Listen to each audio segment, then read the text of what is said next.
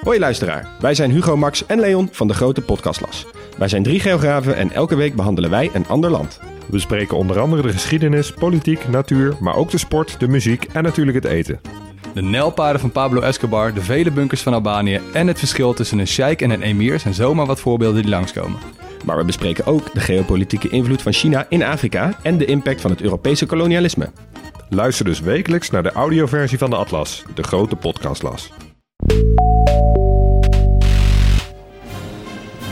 所有同学军，站立！同志们好！同志们辛苦了！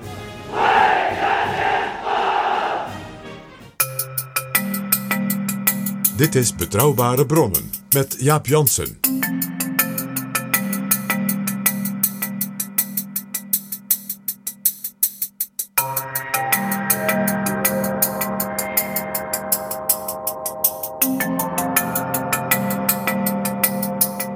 Hallo, welkom in Betrouwbare Bronnen, aflevering 58. Welkom ook, PG. Dag Jaap. PG, we hebben eh, de laatste weken wat reacties op eh, onze podcast gekregen. En ik wil er een aantal met je doornemen voordat Ja, we ik- beginnen aan het onderwerp van deze keer. Eh, ik moet zeggen, ik krijg ook persoonlijk en ik zie ook op Facebook echt heel veel reacties. Zeker op de allerlaatste over Alexis de Tocqueville. Eh, het was gewoon echt leuk om te merken hoeveel mensen dat, laat zeggen, dat idee van waar komt nou die bijzondere belangstelling voor mensen als de Tocqueville, Humboldt, Adam Smith vandaan. Dat een heleboel mensen zeiden van hé, hey, ja. Dus dat, dat, nou, dat, dat, viel mij op en eh, nou ja, dank u wel eh, luisteraars. Ik zal gewoon een aantal reacties voorlezen. En waar nodig kunnen we daar nog misschien een eigen commentaartje aan toevoegen. Gilzou, die geeft ons vijf sterren. Dat is het maximum, zoals je weet. Dank. Geweldige podcast, waar in het buitenland, met name de VS, een traditie bestaat van politieke podcasts, was deze er in Nederland nog niet. Zeker podcasts waarin ook wordt ingegaan op de politieke geschiedenis. Zie bijvoorbeeld de aan te raden Slow Burn van Slate. Betrouwbare bronnen voldoet hier zeker aan een al langer bestaande wens van luisteraars. De analyses, de diepgang en het samenspel tussen Jaap Jansen en PG in één woord geweldig. Hoop dat dit nog lang doorgaat. Nou, wij zijn geval niet slow burn. En dan Ed V40, die geeft ons ook vijf sterren. Prachtige podcasts. In het bijzonder de podcast over de impeachmentprocedure is zeer boeiend. Deze uitzending bestaat uit een uitgebreide historische beschrijving van grote gebeurtenissen die in het verleden hebben plaatsgevonden. Daarmee krijgen we een goed inzicht welk proces er nog te wachten staat nu er een impeachmentonderzoek is gestart rond president Trump. Absoluut de moeite waard om te beluisteren. Dankjewel, Ed V40. Ik eh, zat vanmorgen letterlijk te wachten op de bus. Toen er een topvrouw uit de Haagse politiek naast mij kwam zitten. Want die moest dezelfde bus hebben. En vertelde, ik zit nu in Nixon.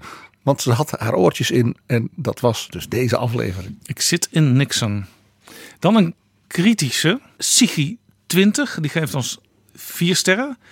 En het gaat over eh, betrouwbare bronnen 56. eh, de wetten eh, rondom partijvoorzitters. Hè, Wanneer ben je een succesvolle partijvoorzitter? Inhoudelijke podcast die duidelijk gestoeld is op veel kennis van de politiek. Maar regelmatig zeer nauw politiek, weinig voeten in de aarde en met momenten een totaal gebrek aan kritische blik. Toppunt hiervan, Frank van den Broeke een genie met loepzuivere bedoelingen noemen. Net na toch zelf te vermelden dat deze man niets beters kon bedenken dan een pak smeergeld te verbranden. Goede podcast, maar wat zelfkritiek kan geen kwaad. Ik kan mij niet herinneren dat wij Frank de Broek, van de Broeke een genie hebben genoemd. Juist erop gewezen dat hij, dat hij, dat hij, Een dat genie wat- met loepzuivere bedoelingen. dat hij met hele goede bedoelingen.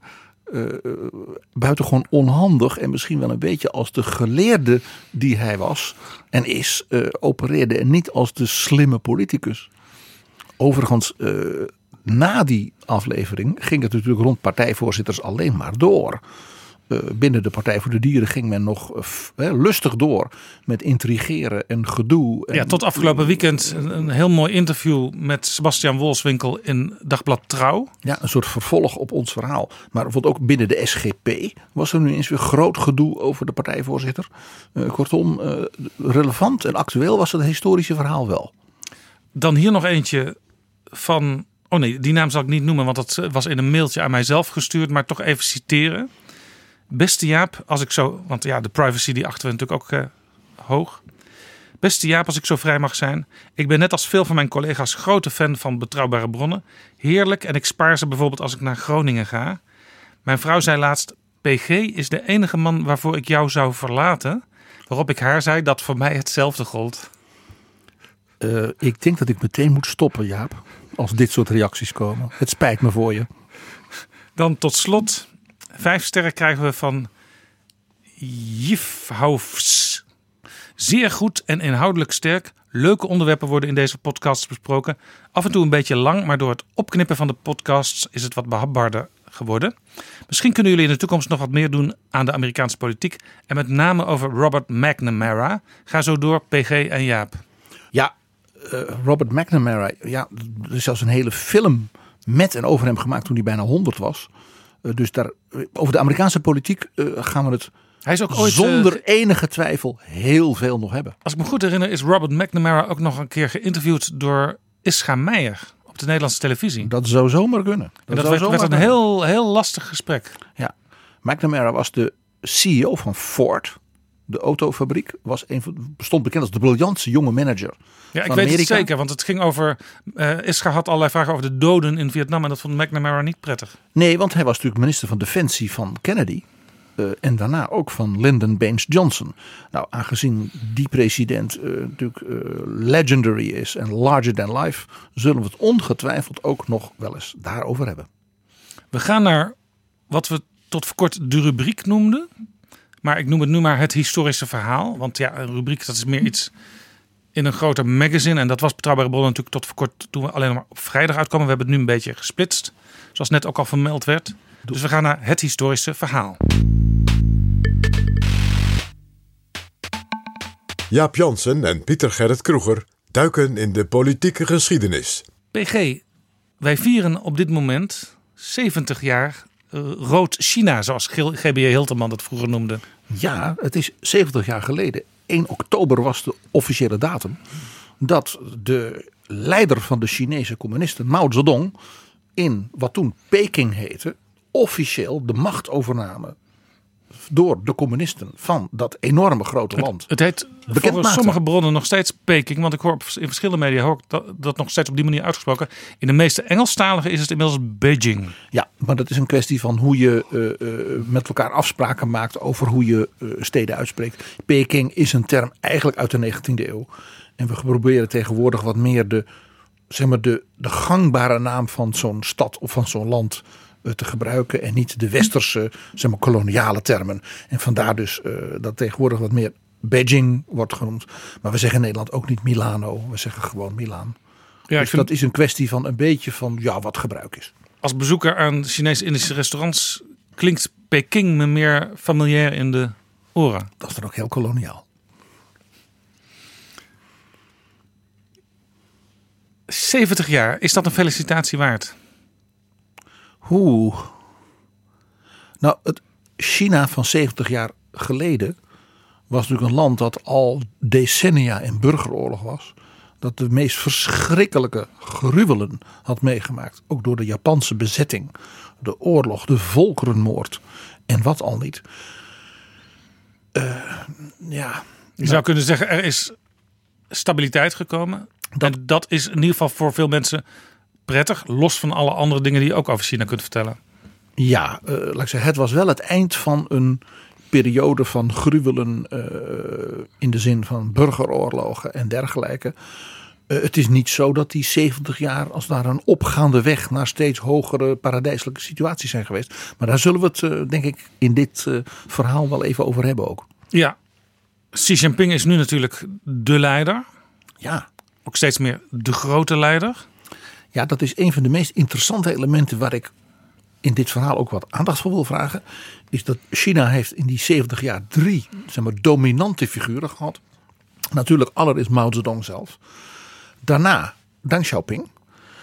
We hadden het al een keertje over hem, eh, ook door mijn eigen ervaringen in eh, toen nog echt Peking geheten, in de onderhandelingen met de Chinezen, met name op het gebied rondom wetenschap en onderwijs, en met zijn, ja, zeg maar, zijn gesprekspartner en vriend, eh, president Lu Jiaxi. En na de dood van Deng Xiaoping was natuurlijk een tijd lang eigenlijk een bijna wat, wat, wat saai collectief bewind. Maar daaruit naar voren gekomen is natuurlijk nu Xi Jinping als de nieuwe grote leider.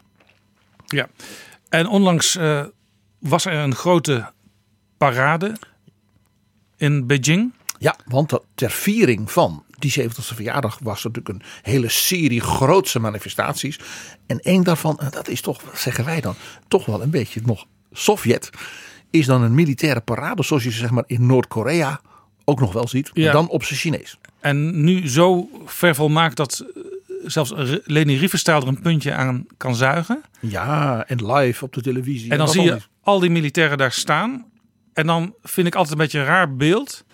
Een soort jeep met dan eh Xi Jinping erin.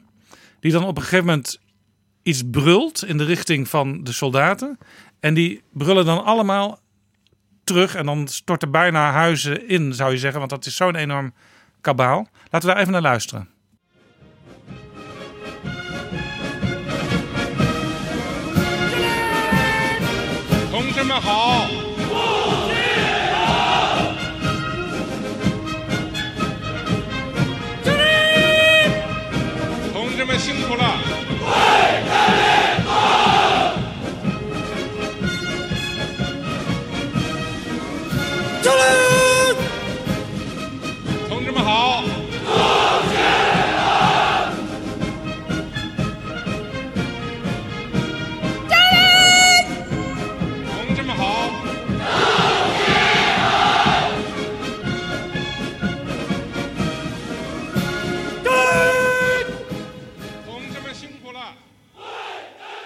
Nou, het is maar een heel klein fragmentje eigenlijk. Maar het geeft wel aan, eh, de macht is daar. Zeker. En ook heel erg Mao. Beroemde motto van Mao. Politieke macht komt uit de loop van het geweer. Een van zijn bekende maximes. Ja, ook een van de bekende teksten uit het Rode Boekje. Waarmee in de jaren 60, begin jaren 70 ook in Nederland wel geflirt werd. Zeker. En daar is dit een van de bekendste van, inderdaad. Maar dat geeft dus aan dat Mao eh, zich zeer bewust was dat hij natuurlijk de grote leider was geworden en de communistische partij de macht had gegrepen. Dat- Door in een burgeroorlog alle anderen te verslaan en ook tegen elkaar uit te spelen. En dat Xi dit nu ook doet, is dat traditie? Of, of, of is het echt bewust dat hij zich ook weer koppelt aan die jaren van Mao? Het is onmiskenbaar zo dat Xi zich spiegelt Mao. En in zekere zin dus ook aan Stalin eh, als zeg maar Mao's grote voorbeeld. Waar die overigens Mao zich ook tegen afzette. Maar daar gaan we het ook over hebben. Eh, in die zin, ja, hoe zal ik dat nou zeggen? Eh, je ziet aan Xi dat hij Mao zozeer als zijn, zeg maar, zijn, zijn, zijn rolmodel beschouwt. Dat hij bijvoorbeeld vrij recent zeg maar, de regeling van hoe China geregeerd wordt. Dus heeft gewijzigd. En dat was dus ten opzichte van wat Deng Xiaoping had doorgevoerd. Namelijk dat er dus niet meer om de tien jaar een nieuw leiderschap komt van jongere mensen. Die zijn allemaal meestal wel in de zestig, maar dat is in China jong. Relatief jong. Maar dat eh, hij eigenlijk voor het leven, dus net als Mao, eh, de leider van China is. Eh, en in dat opzicht is dat dus eigenlijk een teruggreep in de tijd. Ook opvallend is dus natuurlijk die, die, die, die, die, druk die er is om in China ook weer ideologisch te domineren. De minderheden die ook nadrukkelijker worden onderdrukt en ook openlijk om anderen natuurlijk af te schrikken. Ook dat is eh, ja, een teruggrijpen op zeg maar Mao en Stalin. Dat, dat, en dat vind ik een raar beeld, want eh, wij zien ook het hoogtechnologische ja, wonder wat zich in China voltrekt. Waar zelfs op sommige punten, eh, denk maar aan 5G, zij al een stuk voor zijn op ons in het Westen. En toch tegelijkertijd die ouderwetsigheid, dat, dat vind ik een moeilijke combinatie. Ja, dat, het is dus een combi van zeg maar, centraal aangedreven modernisering in technologische zin, zou je kunnen zeggen. Met dus wat ik noem een, een reactionaire, bijna op het verleden nostalgisch teruggrijpen in het bewind. En je zou kunnen zeggen, daarmee lijkt het op wat Poetin doet, op wat Bolsonaro doet, eh, wat Orbán doet. Ja, Poetin die natuurlijk, als je nu in eh, Moskou of in Petersburg komt, eh, dan zie je de lichtreclame, dan zie je de moderne cafés, de muziek overal uit, uit, uit cafés komen. Eh, maar tegelijkertijd is het een, een, toch een star regime. Ja, ja, we hebben het er natuurlijk met Anne Applebaum over gehad. Zijn rolmodel is eh tsaar Nicolaas I. De zwager van onze koning Willem II. En, en voor Xi is dus zijn rolmodel eerder nog Mao. En achter Mao schuilt Stalin. En, en, en het is dus ook, in mijn analyse, en ik zal daar straks een aantal voorbeelden van geven, het zelfs vrij bewust terzijde schuiven van dus de andere insteek van Deng Xiaoping. Ja, en ook een beetje, je hoort dat wel ook wel eens als excuus van Nederlanders die veel met China hebben. Ja, zo'n groot land met zoveel inwoners kun je ook eigenlijk niet op een andere manier regeren. Een beetje à la de Gaulle. Hè? Een land met 264 kaassoorten kun je eigenlijk niet regeren.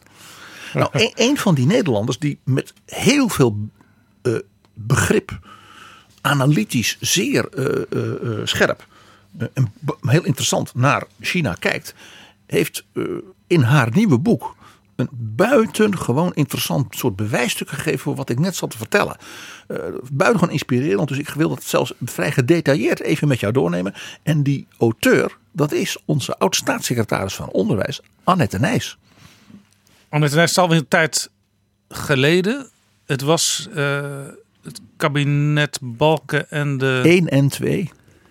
En zij was staatssecretaris van Onderwijs. De minister was Maria van der Hoeven.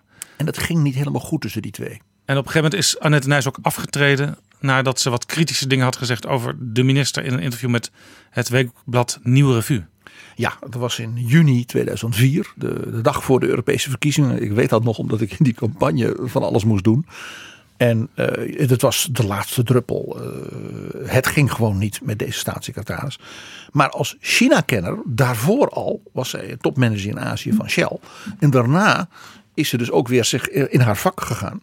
En ze heeft ook al eerder een buitengewoon boeiend boek over China geschreven. En er is nu een gloednieuw boek van haar, The China Factor. En dat gaat over hoe de 21ste eeuw dus een stempel opgedrukt gaat worden vanuit China. En zij analyseert hoe de Chinezen daar zelf naar kijken. En hoe, wat je als daar zou moeten begrijpen als westerling. Om te kunnen indenken hoe Chinezen hierover denken. Dus ik vond het om die reden dus een echt zeer interessant boek. Ja, in de beschrijving bij deze aflevering van Betrouwbare Bronnen zal ik noteren waar je het boek The China Factor kunt bestellen. Nou, wat zij analyseert bijvoorbeeld, en dat vond ik een. Ja, dus cultuurhistorisch, dat zit bij mij erin. Hè, eh, eh, eh, zeer interessant. De taal, de woorden, de begrippen die Chinezen gebruiken voor hun leiders. En dus in dit geval voor Xi Jinping. In relatie en vergelijking met zijn voorgangers. En ja, China is natuurlijk een land van, met een hofcultuur van het keizerschap en de mandarijnen. En dat enorme rijk van wel 3000 jaar. Dus dat is een finesse, dat is een, soms ook poëzie. Waarbij zelfs de, zeg maar, zeg maar, de klank van de medeklinker net het woordje weer een beetje verandert. En het was natuurlijk een land met een enorme verfijnde bureaucratie.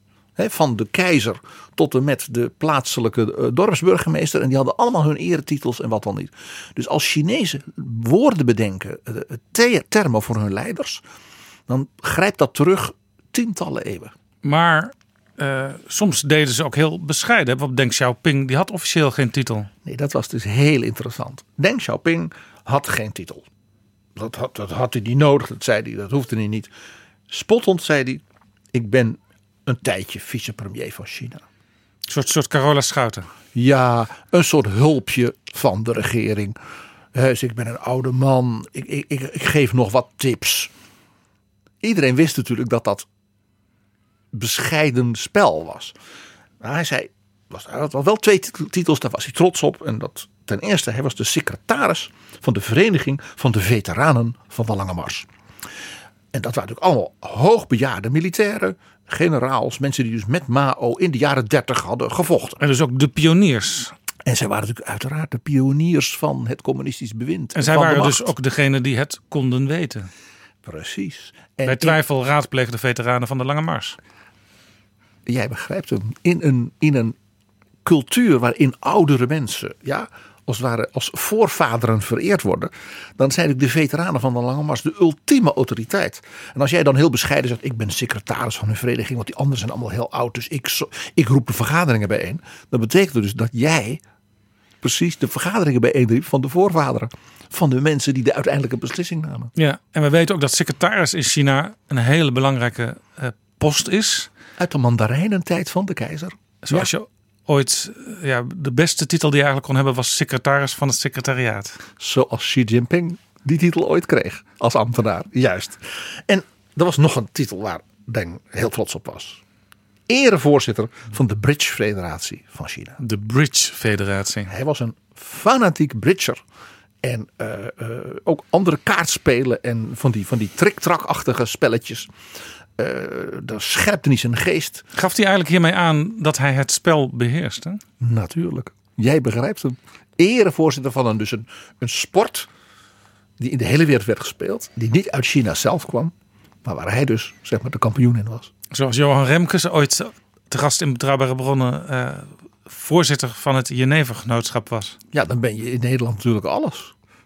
En daar ook een uitzondering voor kreeg bij het toetreden tot het kabinet om dat te blijven. Want je moet al je functies opgeven als je minister wordt. Ja, zoals Ernst Heersballin eh, en, en Ronald Plasterk bij de premier moesten smeken dat ze lid van de Koninklijke Academie van Wetenschappen mochten blijven.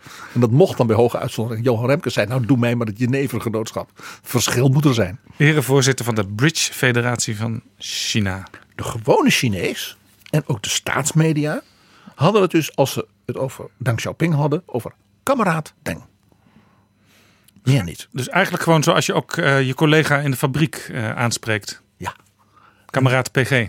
Ja, en daarmee was hij dus zowel dus heel dichtbij, ja, voor elke Chinees, als iemand om op te bouwen, als natuurlijk, ja, hij zweefde boven alles. En ook het voorbeeld voor elke andere kameraad. Juist. En daarmee onderscheidde hij zich natuurlijk, en dat was bewust, zeer nadrukkelijk van Mao. Mao had prachtige titels. Daar, hij was natuurlijk zelf een poëet, dus hij hield daar ook van. En had natuurlijk zijn fameuze titel, hij werd natuurlijk ge- genoemd de grote roerganger. Dat moet je vertalen in het Nederlands. Hij was dus de loods van China. Een roerganger. Ja, Hij- ja, van hij- het schip van staat. Juist, en van de partij. Hij zorgde dat dus dat schip op koers bleef, op weg naar de haven van het paradijs van het communisme. En dus hij was niet de kapitein, hij was niet dit, hij was de, de loods. Maar hij werd ook wel Chairman Mao genoemd. Dat klinkt dan weer, weer heel bescheiden. Dat was omdat hij de voorzitter was van de communistische partij. Hij was, hij was partijvoorzitter. Ik zou bijna zeggen, die tien wetten die wij recent hadden, zou je ook op Mao kunnen toepassen. Ja. En, en, en, en partijvoorzitter was natuurlijk ook binnen dat communisme in feite belangrijker dan premier of president. Het was, je was daarmee de, de chef van de partij. Maar het was een beetje een eretitel, want de echte chef van de partij, dus degene die zeg maar, het apparaat beheerste en stuurde, was natuurlijk de algemeen secretaris. Ja. Dat was de titel die Stalin dus altijd had. Die zei altijd: nee, ik ben niet de partijvoorzitter, ik ben ook niet, niet de president van China, ik ben niet de premier. Die was algemeen Rusland. secretaris Ja. van de Sovjet-Unie. Ja. Van al die partijen, die coördineerde hij. Heel dienstbaar. Mao was dus voorzitter. Dat was eigenlijk een eretitel. Hij was dus niet president van China, van de staat. Net als Stalin. Daarin zie je dus dat hij, eh, Stalin zijn voorbeeld was. De president van China was de heer Liu Shaoxi. Die was populair als staatshoofd. Ook zijn vrouw, zeg maar de first lady, was zeg maar een beetje de, de, de, ja, de, de, de, de moeder van het land. Eh, en Mao was zo verschrikkelijk jaloers op die mensen. Dat toen hij de kans kreeg in 1966, 67, heeft hij ze dus laten oppakken. Verschrikkelijk laten vervolgen. eh, gemarteld tot ze dood waren. Doodgemarteld. Maar vanwege de populariteit, niet omdat ze bepaalde dingen van plan waren of zo. Eh, nou ja, ze blokkeerde dingen die Mao wilde. Nou, dus Mao was dus voorzitter Mao, de grote roerganger. Ja? En dat zijn dus eigenlijk relatief vage eh, eh, eh, titels. Ja, overigens in Noord-Korea worden daar dan weer een soort van persiflages van gemaakt. Hè? Want dat, dat zijn nog weer overtreffende trappen die je daar hoort. Ja, maar dat heeft ook te maken met dat er daar een dynastie is. Ja. En dus iedere volgende, zeg maar, eh, eh, ja, wij zouden zeggen koning, natuurlijk weer zijn eigen nog mooiere titel moet hebben. Ja, maar ze hebben denk ik wel geleerd van zo- zoals China dat deed. En dan op hun manier aangepast. Het, het, het is in hoge mate eh, ook hier Stalin het voorbeeld. Nou, Xi Jinping wordt in 2012, hè, hij was dus al secretaris van het secretariaat, wordt dus lid van het Centraal Comité in zo'n collectief bewind. En is dan partijsecretaris. En dat was natuurlijk de titel van Stalin. Ja. Dat is in China is, heet je dan Zhong Shuji.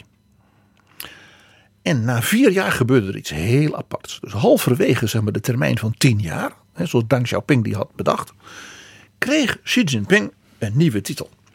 En dat was omdat hij ook opperbevelhebber van het Rode Leger werd. En toen werd hij He Xin genoemd. En dat was kernleider. Dus binnen het zogenaamd nog collectief bewind was hij de kernleider.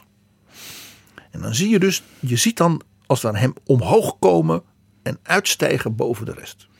Ja, en dat hoor je dan op een gegeven moment, wordt dat bekendgemaakt. Hè? Of het wordt niet eens bekendgemaakt, maar het woord wordt ineens gebruikt. En daar gaat dan vaak achter de schermen een enorme strijd aan eh, vooraf. Tussen de vleugels en de, de, de, de kampementen en ook de regio's eh, binnen de communistische partij. Zeker. En waarbij ook het Rode Leger natuurlijk altijd een hele grote rol speelt. En ook de geheime dienst.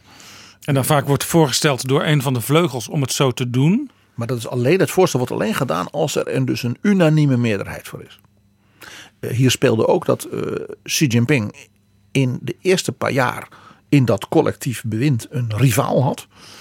Ik geloof dat het de partijleider van Shanghai in de provincie van Shanghai was. En die heeft hij in een anticorruptiecampagne, heeft hij hem en zijn aanhang dus aangepakt. En die man is toen ook gearresteerd. Ja, en met zijn vrouw ook. Hè? En zijn vrouw die werd van de meest vreselijke dingen beschuldigd. En die hele manier van doen, iedere Chinees kent dat uit het diepe verleden van de keizertijd. Dat er een concubine van de keizer dan wordt opgepakt. Want ze deed het met een buitenlander en ze was corrupt. En precies dat soort verhalen gingen dus ook over deze mevrouw. Ja. En dus voor, voor Chinezen, dat is voor ons lastig, maar voor Chinezen grijpt dat terug op, op zeg maar verhalen en epische gedichten en, en, en historische analogieën uit de, zeg maar, de vroege keizertijd. Ja, en vanuit het Westen denken wij vaak: hey, dat is mooi dat eh, corruptie echt wordt aangepakt in China. Maar ja, aan de andere kant, iedereen kan op een bepaald moment van corruptie beschuldigd worden, want er is altijd wel iets te bedenken natuurlijk. Ja, en, maar dat is, dat is onderdeel dus van de vleugelstrijd die er in zo'n partij eh, dus regelmatig opduikt. Nou, dus Xi Jinping won dus duidelijk die strijd binnen de partij. Kon zijn rivaal letterlijk afserveren. En werd dus toen He Xin, Kernleider. kernleider. Geen Chinees noemt de man dus zoals wij hem noemen. President Xi. Dat is heel interessant. Dus een Chinees zou even moeten nadenken als hij het acht uur journaal ziet, hè, waar gaat dit over? Ja, eh, bijvoorbeeld president Trump of eh, Emmanuel Macron is president en wordt dus in China in het nieuws dan Zongtong Macron genoemd. Want Zongtong is dus een president, staatshoofdtitel, maar van een vazallenstaat. En dus ook Zongtong Trump. Ja, en dat is dus een soort vazallenstaat-titel. Dat is een land buiten China van, zeg maar, ja, minder groot gewicht, Ja. minder grote cultuur, Een- een soort- minder grootse grootheid. Probeersels. Ja, nou ja, wat ik maar noem, in, in, in, in dus de, de, de, de keizertijd zou het een vazal zijn. En in de dagelijkse taal over Xi Jinping wordt hij dus in een soort algemene titel, die ook aangeeft ja, dat hij dus die kernleider is, opperbevelhebber van het leger en president van de staat, want dat is nu ook. Dus hij wordt dan voorzitter zeg maar, voorzitter van China, voorzitter van de Chinese staat. En die titel is Gujia Shuchi. Dat is natuurlijk te veel. Dus de Chinees, als het over Xi Jinping heeft, dan hebben ze het gewoon over Shuchi. En dat is mooi, want daar zit zijn naam Xi ook weer in. Dat is heel goed, precies. Dat is dus typisch weer wat ik zei, die wat poëtische kant van dus de Chinese bureaucratie en ja, de titels en de historie daarvan, dat dus in zijn titel zijn voornaam verstopt zit. Dus dat is ook nog een soort lichte humor. Maar eigenlijk is hij dus, zou je kunnen zeggen, inmiddels voorzitter van het al. Ja, eh, Annette Nijs zegt van als je hem nou, als je het bij elkaar brengt, al deze dus finesses van titels en ook in de historie, want dan niet, ze zegt van hij, hij is the chairman of everything. En Ja. daarom dat oh ja, want dat boek van Annette Nijs is natuurlijk in het Engels geschreven. Dat, Ja. dat, dat geeft de titel al aan. Hè? de chairman of everything, voorzitter van alles. En vandaar dus ook dat ze termen als partijsecretaris, hè, wat hij dus was in eh, eh, 2012, hè, de Zhong Zhuji, nee, nee, en ook niet de leider of zo, dat, dat is dan Zhang. Dat is een term die over de Chinezen best eh, gebruiken voor bijvoorbeeld een regeringsleider, een premier of de CEO van een belangrijke industrie. Maar dat zijn allemaal woorden, nee. Shuchi, Ja. met zijn eigen voornaam erin verpakt. En hoe belangrijk Xi is, bleek onlangs ook uit de wijziging van de grondwet bij het laatste partijcongres. Eh, Je moet nu officieel ook volgens de grondwet de, de gedachte, het gedachtegoed van Xi gaan bestuderen. Je hele leven lang. Ja, de officiële leer van de Communistische Partij eh, eh, is natuurlijk gebaseerd op Marx, Engels, Lenin, Stalin. Stalin is in China nooit afgezworen als groot theoreticus, jawel. En dan natuurlijk het Mao Zedong-denken. En nu dus ook het denken van Xi Jinping. Dat heeft dus nu de officiële status als een vervolg op Marx, Engels, Lenin, Stalin en Mao. Daarmee is hij als het ware voor de eeuwigheid ja, als zeg maar, groot theoreticus en denker eh, als ware bijgezet. En dat is dus nog tijdens zijn leven. Dus het zou kunnen dat je op een gegeven moment al die hoofden naast elkaar ziet gebeeldhouwd. Zoals je dat in China dus ook nu nog altijd ziet. Maar dan met Xi erbij. Ja. Elke ambtenaar. En Stalin elke- inderdaad ook nog steeds geaccepteerd. Exact. Elke ambtenaar, elke scholier, elke student moet dus cursussen volgen en examens en tentamens afleggen in hun studie, maar bijvoorbeeld ook, wij zouden zeggen bij hun leven lang leren hè, als ambtenaar, eh, in het denken van Xi Jinping als onderdeel van de leer. En als je dat dus niet doet, en je zou dat tentamen bijvoorbeeld niet halen, eh, ja, dan eh, kun je het vergeten. En daarmee is hij dus en dat is, is historisch ook, ook weer in die diepe Chinese cultuur, nu officieel de leraar van elke Chinees. Hij is dus de ideologische fontein der wijsheid.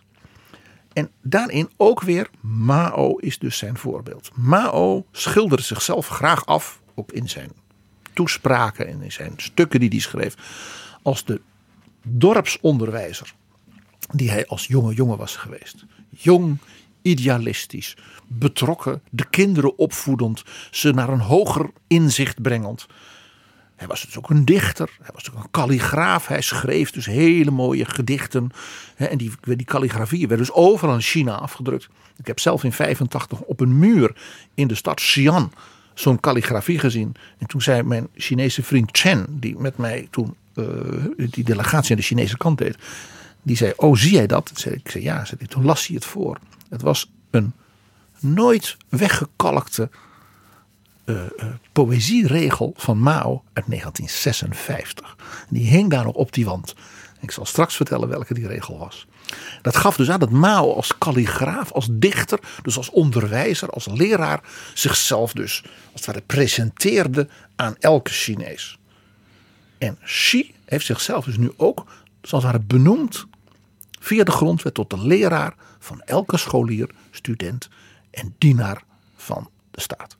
Ja, de, de Nederlandse SP in de beginjaren noemden ze zich ook Maoïstisch. Die zou dan nu een probleem krijgen, want dan zouden ze nu ook de leer van Xi daaraan moeten toevoegen. Ja, ik zou bijna zeggen van eh, eh, Sharon Gesthuizen maar eens vragen of zij daar als kunstenares iets mee kan. Nou, ik denk dat je haar als laatste daar... eh, Ja, ik denk, ik Sharon Carroll, is dit, dit is niet iets voor haar. Nee. Dit, het feit dat ik dit zo benadruk, ook die poëtische kant bijna. Ja, dus die eeuwenoude cultuur van China. Ja, met dichters, met mandarijnen, met leraren. Dan zie je dus dat dit totaal anders is dan de insteek van Deng Xiaoping. Ja, die wilde toch juist eh, de ramen openzetten. Want jij, jij hebt vaak die uitspraak... eh, Als je de ramen openzet, openzet, dan moet je niet gek opkijken als er ook een paar bromvliegen naar binnen komen. Maar dat moet je ervoor over hebben. voor de frisse lucht die nodig is. Ja.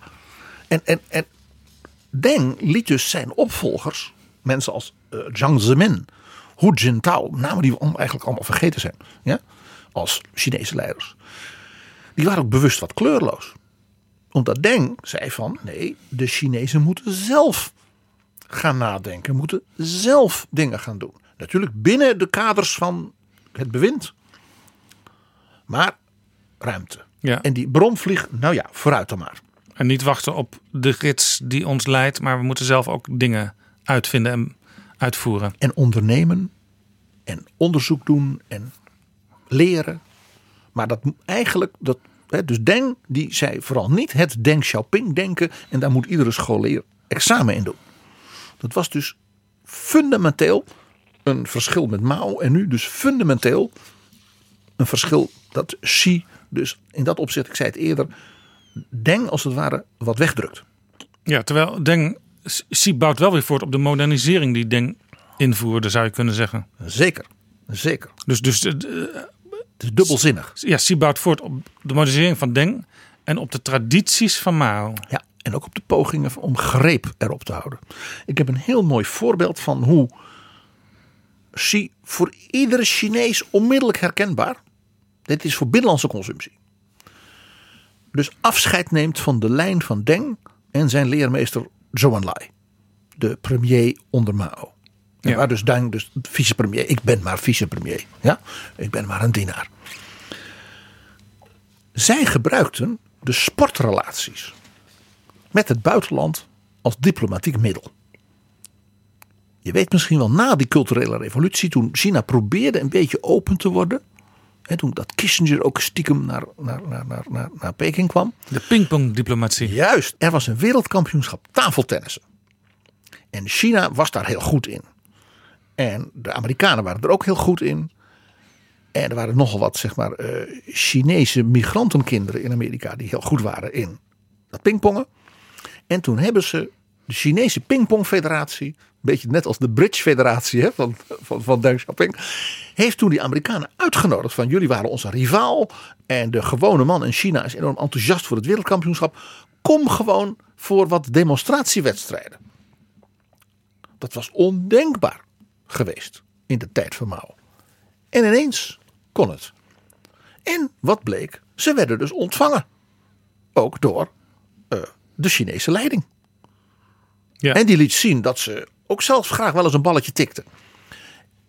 En dat was natuurlijk een symbool van u bent welkom op, als u ons op gelijke hoogte accepteert. Ja, en er wordt natuurlijk ook wel gezegd, ehm, Kissinger vloog heen en weer. Dat was ook een soort pingpongdiplomatie. Daarom werd dat ook pingpongdiplomatie genoemd. Maar dat werd dus een begrip. Dus sportrelaties met het buitenland als een signaal van dat je elkaar gelijkwaardig wilt behandelen. Ja, en, En wat doet, wat doet China? Zeer recent, en dat is dus precies in dit half jaar, ja, of deze maanden van het grote feest, 70, 70 jaar. jaar. Hij laat de NBA in Amerika zwaar onder druk zetten. Door te zeggen: kijk, als uw eh, basketballers en uw clubs. dus in social media. met miljoenen Chinese volgers. uw sympathie bijvoorbeeld laat blijken. voor de opstandelingen in Hongkong. Of eh, laat blijken dat u eh, vindt dat de manier waarop wij met de Oeigoeren omgaan. dat dat niet goed is. dan blokkeren wij uw club. Niet alleen social media, maar u komt überhaupt China niet meer in. U, uw, uw, uw hemdjes worden niet meer verkocht. En hij heeft dus enorme druk uitgeoefend op de eigenaren van die clubs. En op de, zeg maar, de, de, de bond van de sport. En die zijn dus een beetje door de knie aan het gaan. Dus al die grote spelers, die worden dus eigenlijk geestelijk beknot door deze regel van Xi? Nou ja, die worden bedreigd met zeg maar, verlies aan inkomsten. De Chinese markt is dan voor hen dus niet meer open. Ze hebben zich te, te, te, te conformeren aan wat het regime wil. Dit is dus heel symbolisch ook weer. Na het pingpong als symbool van opening. Dus nu bij basketbal. Een symbool van wij domineren, wij willen dicteren. Wij willen ook weer als het ware de, de, de leer, en de communistische leer, verstrakken. Ja. Dit is typisch symbolisch handelen. Wat, wat ook weer, ik zeg, hè, hier zie je weer 30 eeuwen keizerlijke hofcultuur met finesses, met kleine, ja, kleine speldenprikjes. Maar dit maakt ook dat, dat bijvoorbeeld CEO's, eh, leiders van grote bedrijven die vanuit bijvoorbeeld Nederland met China zaken willen doen, eh, ook nog wel eens extra nadenken voordat ze iets kritisch eh, over China of over de relaties van China zeggen. Ik zei al, dit is symbolisch handelen. Dit zijn speldenprikjes. En je gebruikt daarvoor de relaties in de sport. Nou, eh, Xi treedt ook op in zeg maar, lijn met de geschiedenis van Mao in, de, in die 70 jaar.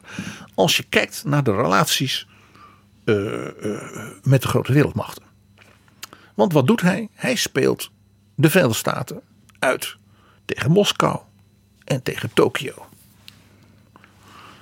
Precies wat Mao deed. Die zei van de Sovjet-Unie, die is gevaarlijk voor ons. Dat is wel een communistische mogelijkheid, maar is onze rivaal. Dus Mao die ging de Amerikanen erbij halen. En de Amerikanen die kon hij uitspelen tegen de Sovjet-Unie. Omdat de Amerikanen natuurlijk de oorlog in Vietnam wilden beëindigen. En in feite het spel op het wereldtoneel eh, eh, op die manier wilden voeren. Want Kissinger en Nixon waren natuurlijk bewonderaars van Bismarck en van Charles de Gaulle. En Mao, eh, ja, die kende zijn geschiedenis. Dus die wist als je dus als Amerika op die manier nu denkt met deze president, dan kunnen wij als ware een soort machtsevenwicht Moskou, Peking, Washington, Europa Ja. tot stand brengen. En dus ineens een belangrijke rol op het wereldtoneel. En een belangrijke rol op het wereldtoneel. En wellicht ook ja, stabiliteit in China zelf. En misschien zelfs wel economische relaties. Het grappige is dat, dat, dat eh, president Trump hierin heel erg doet denken aan Richard Nixon. Want aan de ene kant, hè, Michael Wolff zei het zo prachtig. China bad. Ja, het enige wat Trump onthouden heeft. China bad. Tegelijkertijd, hij bewondert het autoritaire bewind. Roept, ik heb een geweldige relatie met president Xi. President Xi helpt me enorm tegen, met Noord-Korea. Waar dus Tokio helemaal panisch van is. Ja. Dus dat is heel interessant. Hoe, hoe, hoe, hoe, hoe Xi, als het ware Trump, mag ik het zeggen, manipuleert. Op de manier waarop Mao en Zhou Enlai. Dus Nixon, die in Vietnam natuurlijk een- ook een probleem had. En tegenover de Sovjet-Unie, hè, als de, de, de Koude Oorlog, als ware ook voor, zijn, voor, zijn, ja, voor zich innam. Dus je ziet dus dat de omgang met Trump. Ja, doet dus denken aan de omgang met Nixon. Nixon was natuurlijk ook China bad, hè? In de Koude Oorlog in de jaren 50. Enorm anti-Mao. Maar uiteindelijk pragmatisch. Maar gefascineerd door dat Rode China als mogelijke partner tegenover. Ja, het machtsevenwicht tegenover de Sovjet-Unie. En misschien als hulpje bij Vietnam. Trump, China als hulpje bij Korea. Ja, ja, want Nixon wilde af uiteindelijk van dat gedoe in Vietnam. Want er kwam alleen maar ellende van. En hij wilde dealen met de Sovjet-Unie. Maar niet als het ware Niet Door de- buigen. juist, ja. Misschien is het wel leuk, Jaap, dat we even luisteren naar wat Nixon zelf zei tegen Zhou Enlai bij het staatsbanket bij zijn historische bezoek. We luisteren even naar Nixon. Mr. Prime Minister, Chairman Chang, and our Chinese and American friends. This magnificent banquet marks the end of our stay in the People's Republic of China. We have been here a week. This was the week that changed the world. Our two peoples tonight hold the future of the world in our hands. And as we think of that future, We are dedicated to the principle that we can build a new world a world of peace, a world of justice, a world of independence for all nations.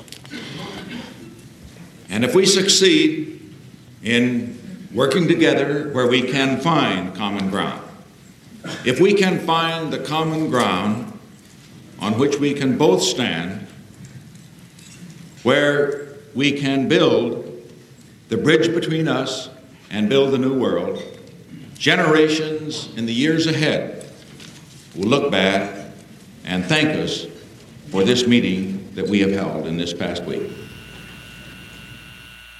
And let the great Chinese people and the great American people be worthy of the hopes and ideals of the world for peace and justice and progress for all.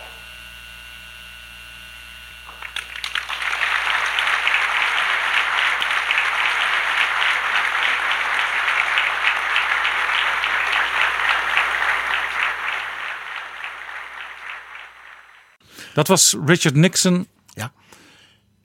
En tegelijkertijd denk je natuurlijk van, maar Trump voert toch, voert toch een handelsoorlog tegen China? Met tollen en zo. Ja, dat is, dat is niet fijn natuurlijk, want je moet ineens enorme tarieven extra gaan betalen. Nou ja. En dat doe je dan terug, maar ja, daar schiet je ook niks mee op. China betaalt dat niet. Dat zegt Trump voortdurend. Ik, we krijgen miljarden uit China. Dat is niet waar. Het zijn de Amerikaanse bedrijven, de Amerikaanse burgers, de Amerikaanse Walmarts, die voor de Chinese importen, ja, die dus naar Amerika gaan, uh, dus tollen moeten betalen. Ja.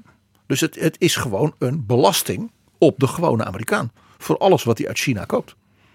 Maar de president schijnt te denken dat hij met die tollen de Chinezen geld afpakt. Hij pakt in feite Amerikanen geld. Ja, en bovendien wordt dat soort maatregelen wordt altijd gespiegeld. Dus dan kun je het ook weer tegen elkaar wegstrepen. En uh, het geeft alleen maar veel bureaucratie. Ja, en uh, dus uh, enorme verslechtering van zeg maar de, de openheid in de handelsrelaties. Ja. en dat leidt dus ook. de wereldhandel wordt afgeremd. Ja, en dat leidt dus tot economische minnen, ook hier in Europa. Het doet natuurlijk nog iets. Het helpt Xi Jinping op een bepaalde manier ook nog. Het mobiliseert natuurlijk de Chinezen het disciplineert de Chinezen achter hun Jinping, hun voorzitter van alles.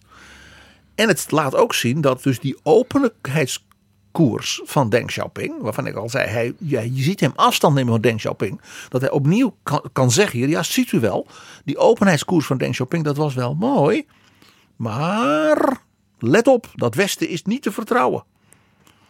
Wees, hè, wees net als onder Mao, sta achter de grote roerganger. Sta achter de Suji, de Ja, voorzitter ja, van alles. Ja. En dan hebben- heeft hij het voordeel van die botte Trump. Want daar zitten niet eens dubbele bodems eh, in. Dat is gewoon what you see is what you get. En dat is niet al te best. En nog iets.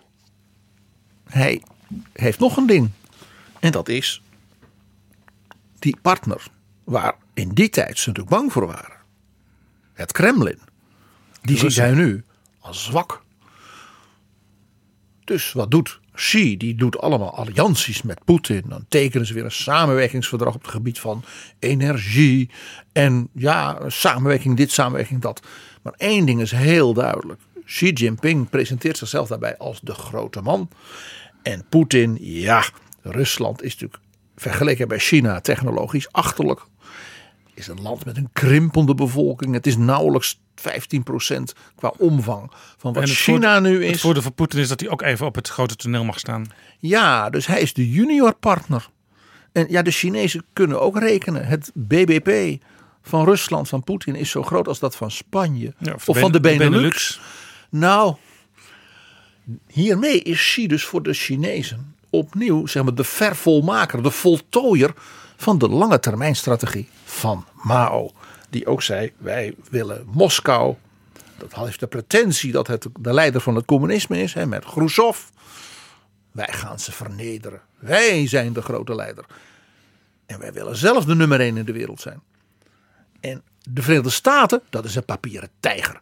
Als het puntje bepaaltje komt, dan gaan ze af. Want ze hebben ons nodig, ook economisch en politiek. Ja, in feite dus de lange mars als 70 jaar wordt gewoon voortgezet. Ja. En Xi presenteert zich dus door deze strategie als zeg maar de vervolmaker, de voltooier van zeg maar de erfenis van Mao. En dus vandaar ook dat spiegelen van hem, eh, zowel in die bijzondere titulatuur als het Xi-denken, eh, als ook de repressie. En in zekere zin, we hadden het er al eerder over dat jij zei, dat is toch eigenlijk merkwaardig. Het is een dus nostalgisch, reactionair, chauvinistisch soort communisme. En in dat opzicht dus helemaal niet modern. Of misschien juist wel. Hè? Als Poetin en Bolsonaro en dat soort mensen modern zijn. Ja, want heel veel van die, laten we zeggen, eh, autocratische leiders, zoals Bolsonaro, eh, zoals ook nu in Hongarije en in Polen te zien, eh, die kijken ook wel een beetje met interesse naar hoe het in China gaat. Hè? Wel een moderne economie, technologische vooruitgang, maar tegelijkertijd een hele straffe, strenge leiding. Ja, en ook, je ziet het ook in de, de, de vele dictators in Afrika, die zich graag door uh, China ook uh, zeg maar, financieel met allerlei handelsvoordelen laten, laten alimenteren. Ja, tot ze erachter komen dat ze in feite met allerlei touwen vastzitten aan Beijing. Ja. Is misschien een idee dat we even die 70 jaar ik zal maar zeggen, de decennia van Mao, Deng en nu Xi. Nog even doorlopen van. van, het is natuurlijk een unieke periode in de wereldgeschiedenis. Uh, en daar, daarbij gebruik ik, uh, naast natuurlijk de zeer interessante boek van Annette Nijs. Een trilogie van de Nederlandse historicus Frank Diekutter. Die in de hele wereld is vertaald. Ja, dat zijn uh, boeken die tussen 2012 en 2016 ook in de Nederlandse taal zijn verschenen. Ja. Ze, ze, staan nu ook vermeld bij de beschrijving van deze aflevering. En uh, die Kutter heeft iets echt fantastisch gedaan, zeg ik als historicus. En dus ook voor onze luisteraars. Die man is dus in China in de archieven gedoken. En wat hij nou zo verstandig heeft gedaan. Ik bedoel, dus tactisch heel slim voor de strategie van de, die drie boeken heeft geschreven. Dat is, hij is dus niet aan de deur gaan kloppen bij het archief van het Centraal Comité van het Politbureau. Want dan kijkt iedereen over je schouder mee als je al binnen mag. Als je al binnen mag. Hij is dus in allerlei regionale archieven. In kleinere steden. In de hoofdsteden van boerenprovincies. Anhui, uh, Fujian. Ja, overal is hij in China daar gaan praten met de archivaris. Met de burgemeester. En die, ja, die archieven, dat vonden ze interessant. En hij had belangstelling voor ze. Hij sprak natuurlijk de taal. En Zoals... Daar, uh, in de vorige aflevering van Betrouwbare Bronnen uh, Alexis de Tocqueville naar gemeentelijke archieven ook ging om te kijken hoe het voorrevolutionaire Frankrijk functioneerde. En rondkijken. Ja, rondkijken. Zoals hij ook in Amerika met de postkoets. Wat een mooie vergelijking. Die kutter als de Tocqueville van het China. De la démocratie en Chine. Zou je bijna zeggen. Ja. Nou, in die archieven vond hij, behalve natuurlijk wat er zeg maar, on the ground in China, in de regio, in zo'n stad, in zo'n boerengebied gebeurde. Maar ook natuurlijk de stukken die vanuit Beijing, van Mao uit, van de centrale, van het politbureau, als orders en stukken en richtlijnen naar de provincie en die steden werden gestuurd en de gouverneurs. Zodat die stukken die eigenlijk diep geheim waren in Beijing, daar gewoon in een stapeltje kon, kon vinden. Ja. Nou, op grond daarvan hebben we dus een buitengewoon verrijkt beeld gekregen van het China van zeg maar 1949 uh, tot nu. En laat ik eens beginnen met gewoon een aantal periodes, ook gebaseerd dus op zijn analyse. Dit is Betrouwbare Bronnen, een podcast met betrouwbare bronnen. De eerste periode was 1949. Mao en de Communistische Partij gingen hun macht vestigen in China. Dat deden ze door al die provincies, die steden, die regio's als het ware aan zich te binden. We gaan iets moois maken van China. Uh, en we gaan het land moderniseren door industrialisatie. Helemaal volgens het model van Stalin, ja, want van de Sovjet-Unie. Want je hebt ook, om echt een re revolutie te kunnen uitvoeren, heb je een stevige arbeidersklasse nodig. Natuurlijk heb je die nodig. Dus die werd gemaakt. Maar Mao zei ook, de boeren in China hebben doordat ze uh, ons hebben gesteund in de bevrijdingsoorlog tegen Japan en tegen natuurlijk uh, de Chiang Kai-shek, dus de, de, de, de warlords zoals dat heette, de oorlogsheren, hebben de boeren als daar een soort zuiver communistisch bewustzijn gekregen. Dus ook de boeren zullen in China mee gaan doen. En eh, daarom dat ook de landbouw in die periode nog niet als het ware heel erg hard werd aangepakt in zeg maar, Sovjetzin. Het was vooral de industrialisatie. En natuurlijk spanning met de Verenigde Staten. Ja. eh, Denk, denk aan Taiwan. eh, Het dreigen ook. eh, De Korea-oorlog. Nou, dat, net als nu. hè, Dat hielp dus de Chinezen verenigen achter het nieuwe bewind. En natuurlijk de spanning met de Sovjet-Unie. Want de Sovjet-Unie was wel de grote broer. Maar eh, al, al Stalin wantrouwde Mao. Terwijl Stalin toch als groot denker geëerd werd in China. Ja, ja, maar hij wantrouwde Mao. Want hij zei, deze jongeman die wil mij natuurlijk opzij schuiven als de leider van het communisme. Mao wantrouwde, eh, Stalin wantrouwde natuurlijk iedereen. En natuurlijk, eh, de Sovjet-Unie was bereid China te helpen bij van alles. Maar natuurlijk niet met een kernwapen. Nou ja, misschien, maar dan alleen onder Sovjet-toezicht. De Chinezen wilden natuurlijk hun eigen atoombom. Nou, dat ging natuurlijk na de dood van Stalin met de nieuwe leiding in Moskou. Met Khrushchev werd het alleen maar erger. Uh, Khrushchev werd door uh, Mao ook veracht. Dus die spanning nam alleen maar toe. En aan het eind van die periode, we hebben het nu over de periode zeg maar, tot 1957, deed Mao iets heel aparts. Uh, mede aangemoedigd door het succes van die industrialisatie. Het ging dus goed met China, ook door dus dat die oorlog voorbij was. Zouden we nu innovatie noemen? Ja, en uh, er was dus van alles ineens mogelijk. En uh, toen ontstond er een soort uh, idee van we moeten nu ook intellectueel en politiek als het ware openen en ja, on, ons ontwikkelen. En toen heeft Mao een campagne uitgeroepen ter bevordering daarvan. En dat was die dichtregel die ik in Xi'an op die muur kwam. Ah. In, in, in, in calligrafie, dus helemaal nagemaakt van het gedicht van Mao zelf. Laat duizend bloemen bloeien, laat honderd scholen wedijveren. Ja. En dat leidde ertoe dat men dacht in China, we mogen nu kritiek gaan uitoefenen op het bewind. We mogen gaan discussiëren. Dus er ontstond een enorme golf van pamfletten, nieuwe kranten, studentenclubs. Maar dat was de bedoeling van Mao helemaal niet. Want dat leidde dus tot gedoe ook in de partij. Dat afdelingen zeiden, nou wij willen op het partijcongres zeg maar, een motie indienen. Tegen, ik noem maar eens wat, uh, dat deel van de industrialisatie. En wij willen meer dat en we willen minder dat. Toen is dus die campagne in 1956 onmiddellijk met enorm veel repressie onderdrukt. Men had dus helemaal niet geschat dat de bevolking in China dit serieus zou nemen en dus enthousiast openheid, discussie en kritiek zou gaan leveren. Maar er is er ook een theorie dat het misschien wel vooropgezet plan was om later repressie te kunnen uitvoeren. Eerst eens even kijken wat voor verkeerde gedachten er leven onder het volk. En de slechtste gedachten dan aanpakken. Uit die kutters analyse en wat er dus in die dorpen en in die steden en in die provincie gebeurde, blijkt dat het echt een overrompeling is geweest. Dat men echt heeft gedacht, wij krijgen golven van dankbaarheid. Uh, wat je wel vaker in tyrannieke regimes uh, tegenkomt. Dat men echt denkt, het volk vindt ons prachtig. Nou was het 56 ook het jaar van de Hongaarse opstand. Ook dus in Oost-Europa, ook in Polen was er natuurlijk rebellie tegen het Sovjetbewind. Dus nou ja, de timing was zeg maar niet erg handig blijkbaar. En vandaar ook dat uh, in China ook meteen kritiek rees later toen Gorbachev de glasnost invoerde, de openheid. Dat wilde men toen ook. Want in China dachten ze dat hebben wij alles geprobeerd en we weten hoe dat kan aflopen. Ja, en de bevolking en de studenten, hè, 1989, 40 jaar hè, na die uh, revolutie van Mao dat de studenten dus met honderdduizenden, ja, nou ja, dachten van, oh, wij krijgen nu ook zoiets. Wat de mensen in de DDR, weet je nog, Gorbi Hilf, Gorbi, ja. Gorbi, ja. Grappig hè, het, het valt niet te onderdrukken.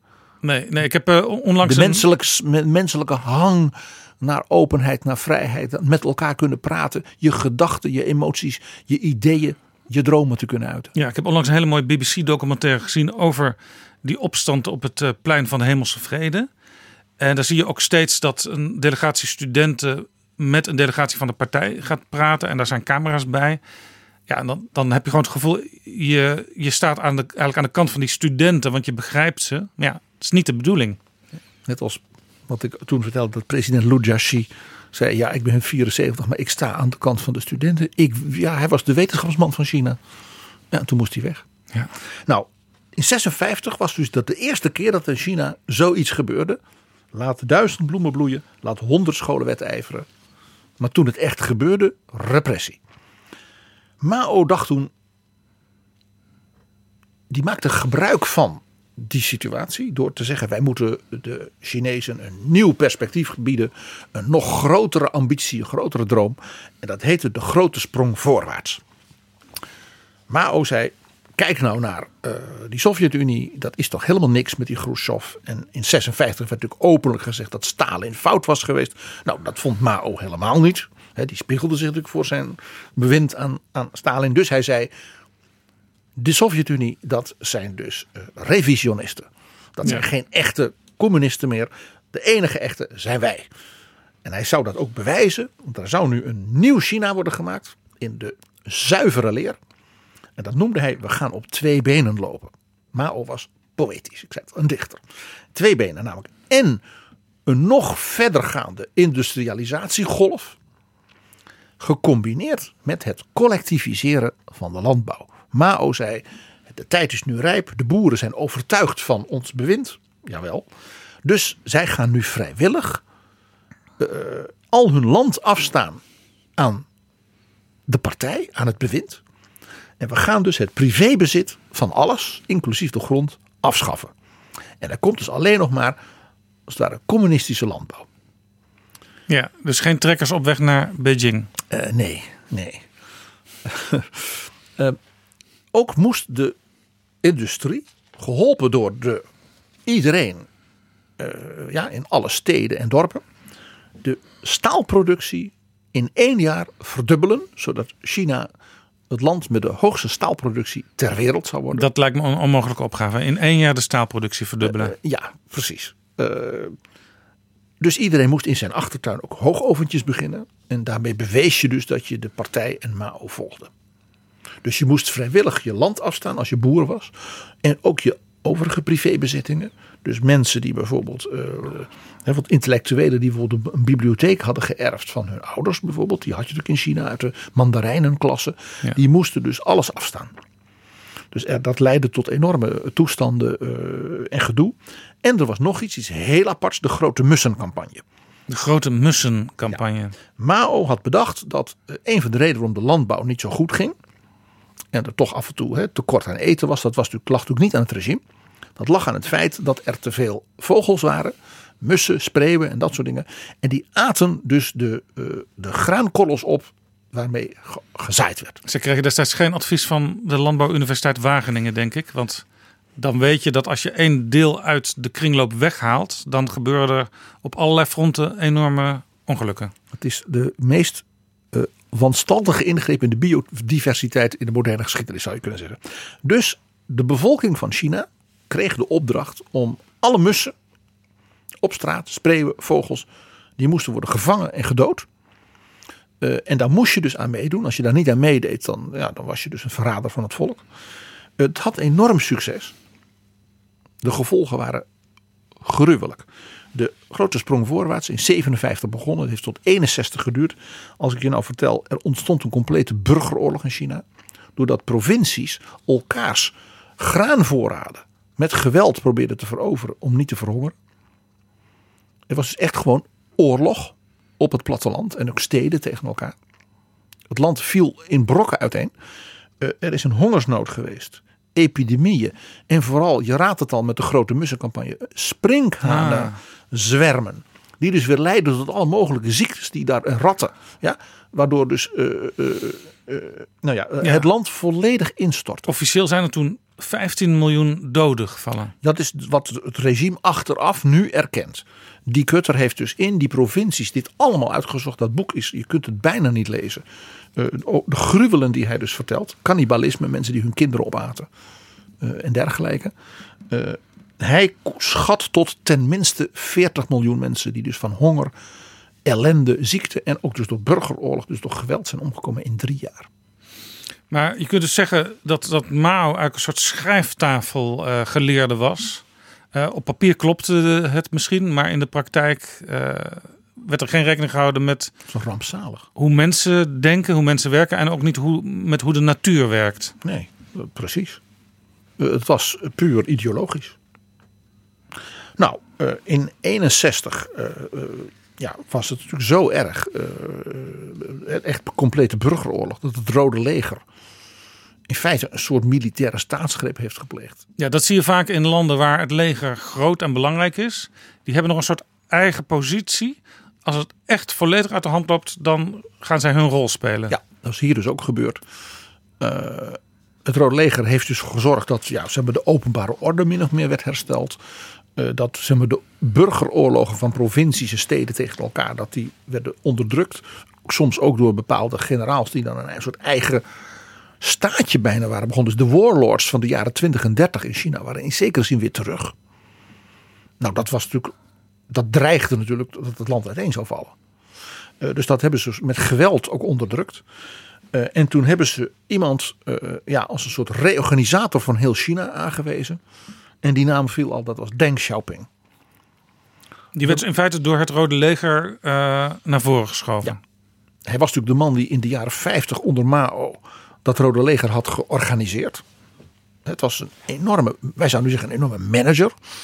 Het was ook de man die dus hè, met Lu Jiaxi als een van zijn hulpen natuurlijk de eigen Chinese atoombom had laten bouwen. Dus hij, Deng was ook eigenlijk de bestuurder, politicus die vanuit het leger het best gekend was. Ja.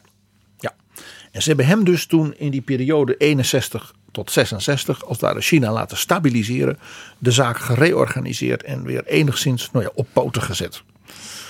Eh, Mao was, bleef wel zeg maar, de, de, de voorzitter van de partij en zo, maar was op een zijspoor. Dat heeft hij natuurlijk niet lang op zich laten zitten. Want Mao was natuurlijk de grote roerganger en dat wilde, die wilde ook zelf natuurlijk de baas zijn. Dus in 1966, toen China weer min of meer gestabiliseerd was en het weer beter ging, ook economisch na al die ellende, die honger, eh, heeft hij een, eigenlijk een soort contra-staatsgreep gepleegd, die wij kennen als de culturele revolutie. Het officiële titel die hij dus zijn aanhang, dat was dus de jongeren met name, was val de hoofdkwartieren aan.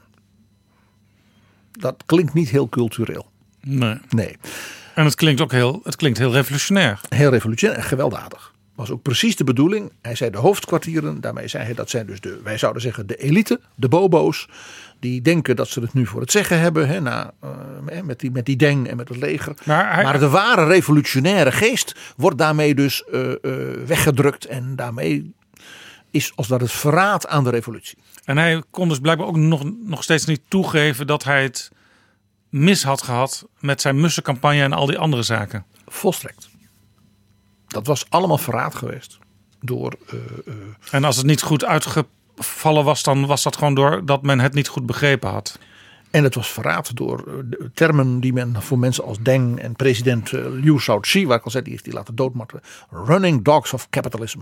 Rennende honden van het kapitalisme. Bourgeois revisionisten en allemaal van dat soort prachtige taal.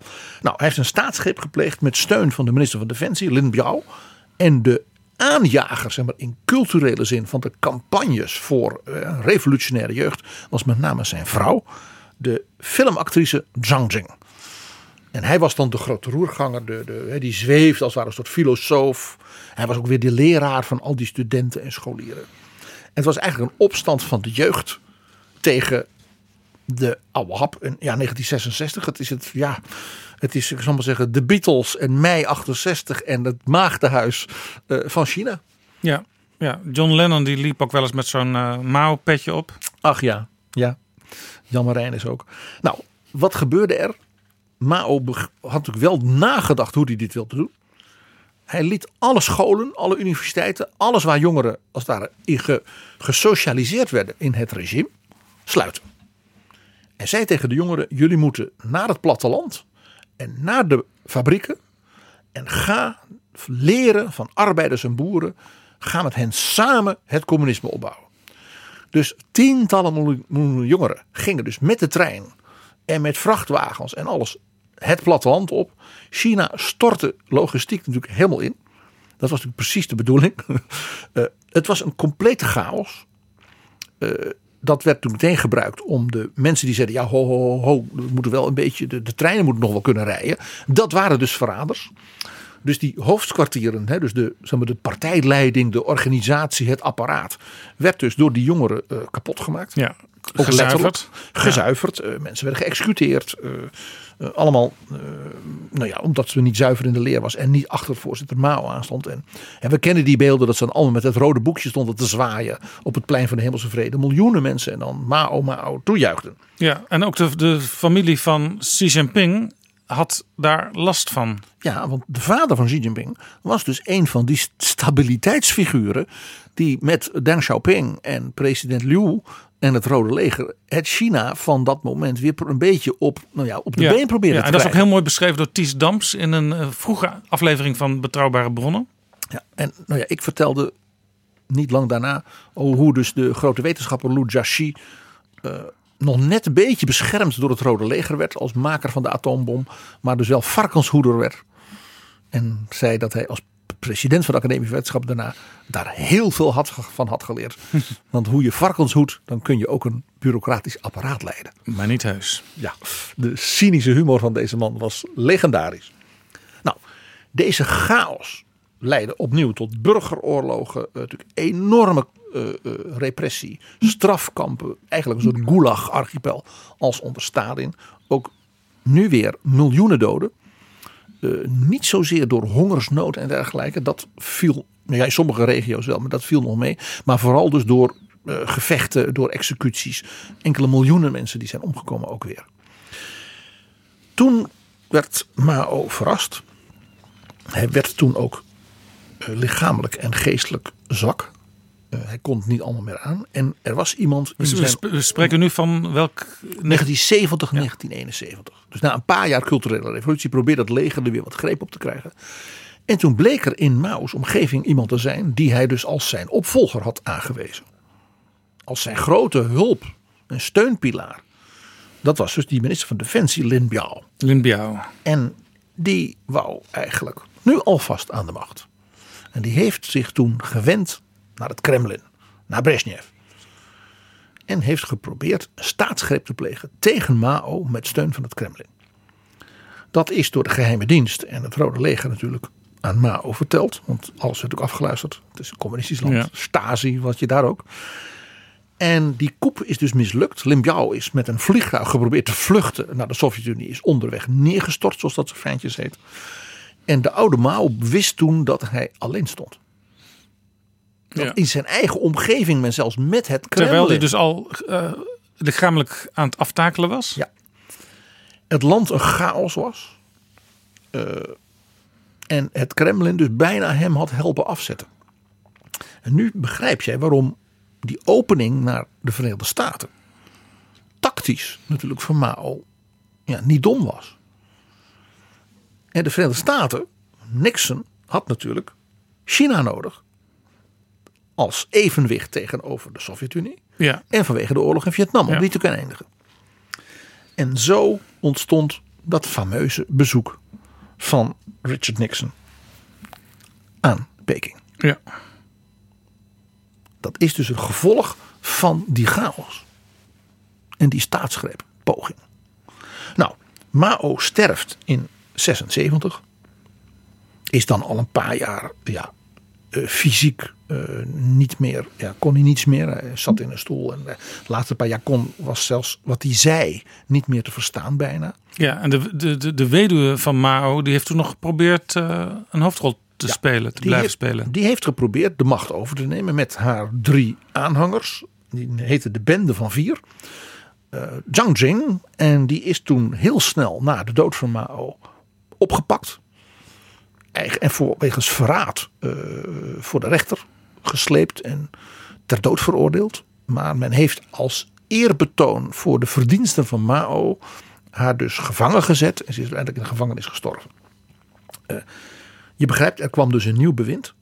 Eh, en dat was niet helemaal toevallig, want eh, premier Zhou Enlai die was vlak voor Mao gestorven, maar had in 1975 Deng Xiaoping teruggehaald als vicepremier En hem dus beschermt ook met steun van het Rode Leger. Om dus die chaos, net als hij Ja. had gedaan. De organisator. Tussen 61 en 66.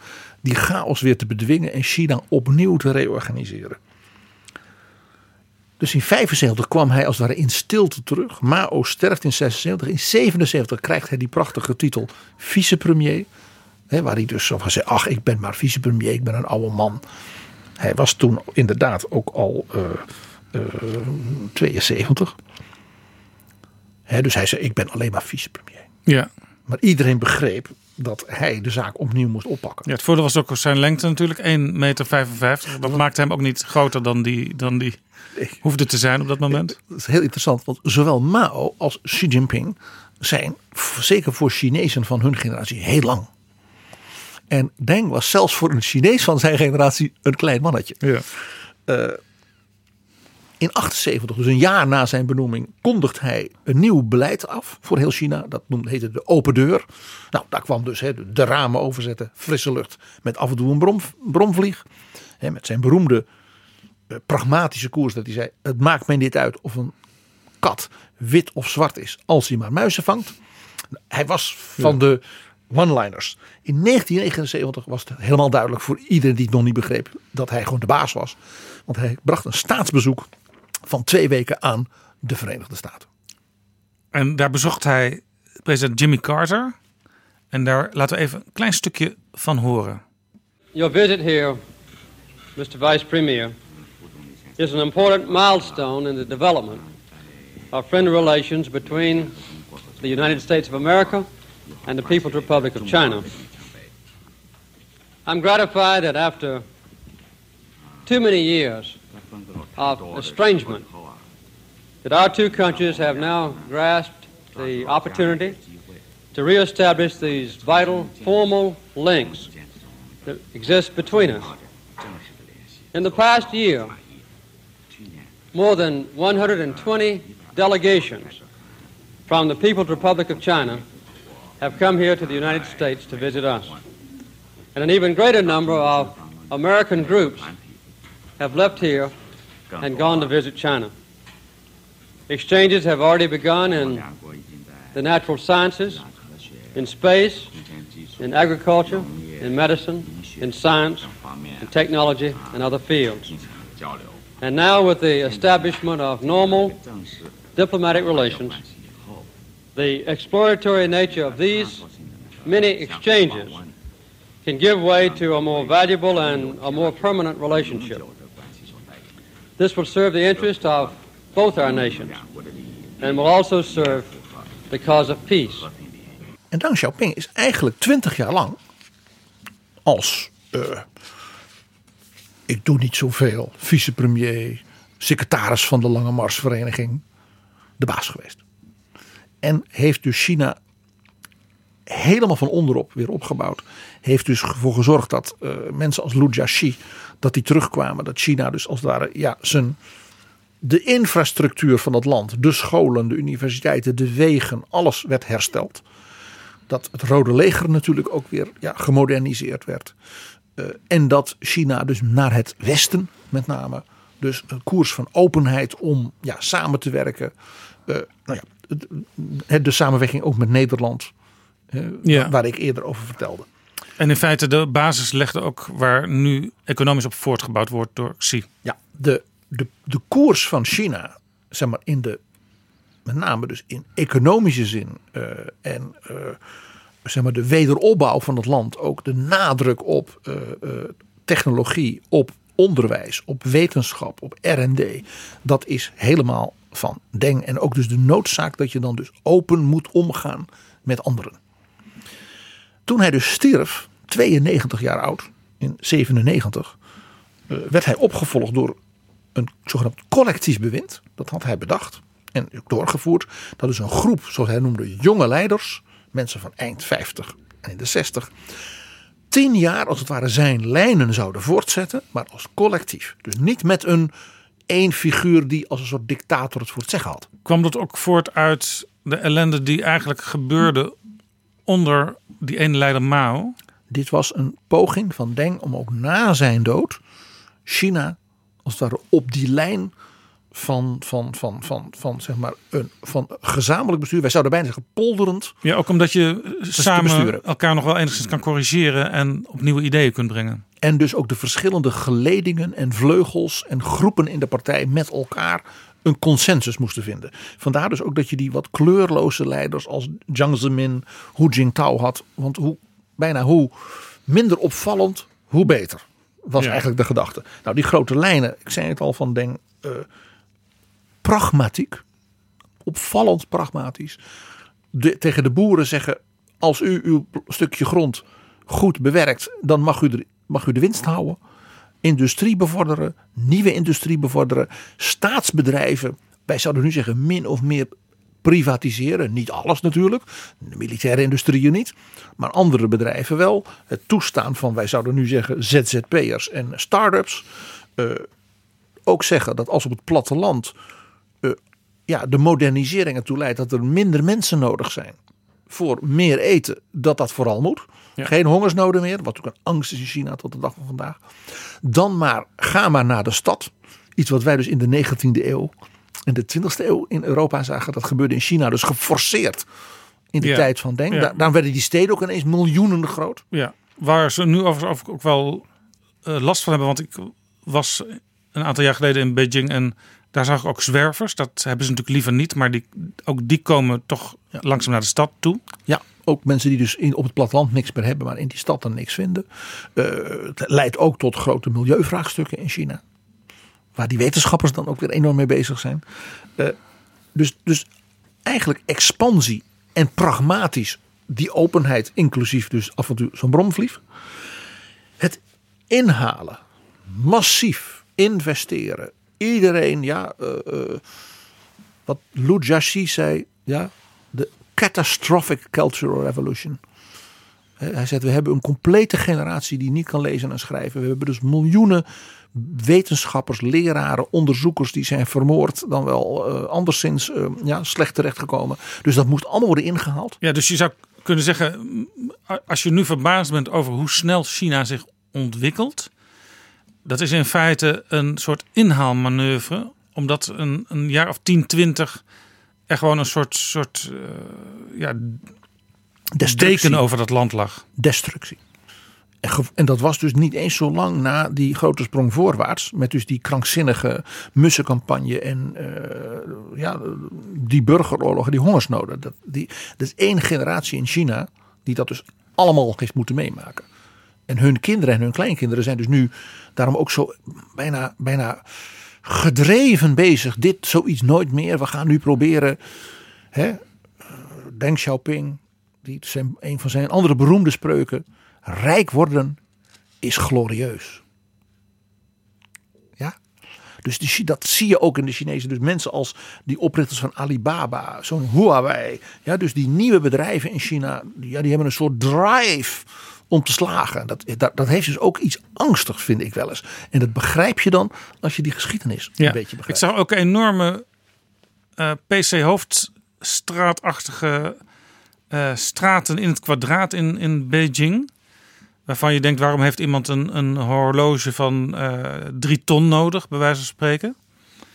En in zo'n land, ook met zo'n eh, historie. Maar blijkbaar is dat, helpt dat ook bij het stimuleren van die economische groei.